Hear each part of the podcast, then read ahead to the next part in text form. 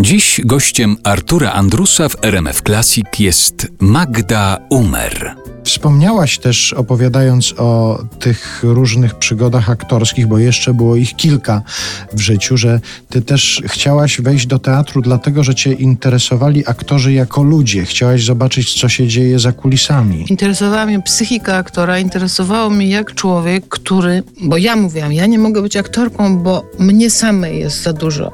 Ja sama się składam z iluś tam osób, z którymi sobie nie mogę poradzić. I po prostu jakbym miała jeszcze zagrać jeszcze jedną postać, to bym skończyła w, w domu w jakiejś lecznicy. Natomiast interesowało mnie to, jak ci ludzie, przeważnie przystojni, nauczeni właśnie sztuki udawania, ze świetną dykcją i tak dalej, jak oni sobie potem radzą jako prywatni ludzie jak zajmują z siebie te kostiumy Hamletów, Macbethów i tak dalej, idą do tych bufetów i muszą się zamienić w siebie.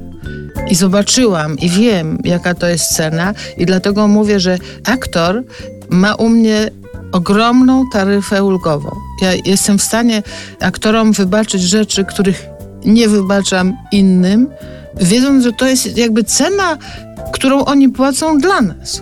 Dla nas, zwyczajnych ludzi, którzy przyjdą do kina, do teatru i spędzą z nimi godzinę i wzruszą się i zachwycą i pomyślą, to im coś da. No ale to, jak widać, nie zniechęciło cię do teatru jako do instytucji, bo ty przecież i do aktorów, bo ty właśnie nawet zachęciło pewnie, dlatego potem wielokrotnie Umiałam. Za... potem z nimi pracować, tak, ale też powiem ci, że ta reżyseria to też był kompletny przypadek. Ja nic nie robiłam w tym celu, żeby zostać reżyserem.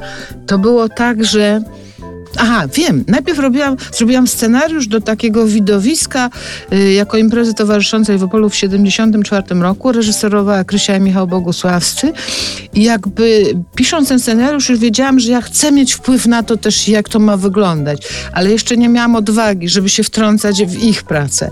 A potem w 70 chyba piątym roku, rok później, postanowiłam zrobić też scenariusz, wielki koncert. Zaangażowałam wspaniałych aktorów i zaangażowałam reżysera Piotrka Skrzyneckiego z piwnicy pod Baradami.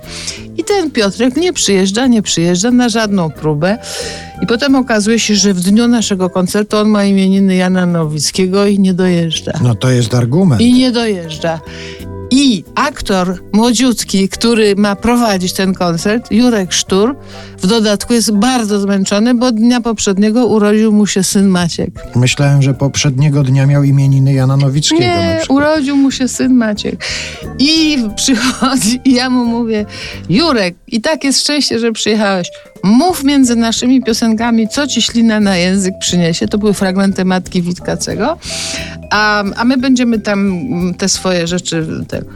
I wiesz, i ja nagle musiałam w 10 minut po prostu wszystko za tego Piotrka zrobić. Powiedzieć, co z prawej, co z lewej, jak światło, jak coś tak dalej. I zobaczyłam, że oprócz tego, że mnie to przeraziło emocjonalnie, także zainteresowało, że ja to mogę zrobić. I potem też zobaczyłam, że ci aktorzy mają do mnie jakieś zaufanie. I Krysia Janda kiedyś powiedziała e, w jakimś o mnie programie, że jak ona jest ze mną, to ona czuje, że jest w dobrych rękach. Ona się nie boi i że ja w związku z tym mogę z nią zrobić czasami coś, czego nie potrafią z nią zrobić najwięksi reżyserzy. Bo ona czuje, że ja jej zawsze dobrze życzę. I myślę, że jeśli jakaś to jest moja zasługa, to raczej jako psychologa czy psychoterapeuty. Mnie jest kompletnie obojętnie, czy ktoś wejdzie z prawej, czy z lewej strony, czy włoży na siebie wiadro, czy nie. Dla mnie jest ważne, o czym to będzie, co ma być powiedziane, co ma być przeżyte i do czego to ma być doprowadzone. Inscenizacja mnie bardzo mało interesuje. Ja jestem zawsze tą osobą, która każe powściągać środki wyrazu, ponieważ nie znoszę takiego zbytniego grania i tak dalej, i tak dalej. Nie, ja sobie mogę poradzić tylko z wybitnymi aktorami. Czyli po prostu to już na etapie układania zespołu. Ale to powiedział Andrzej Wajda, że reżyseria 95% to jest obsada.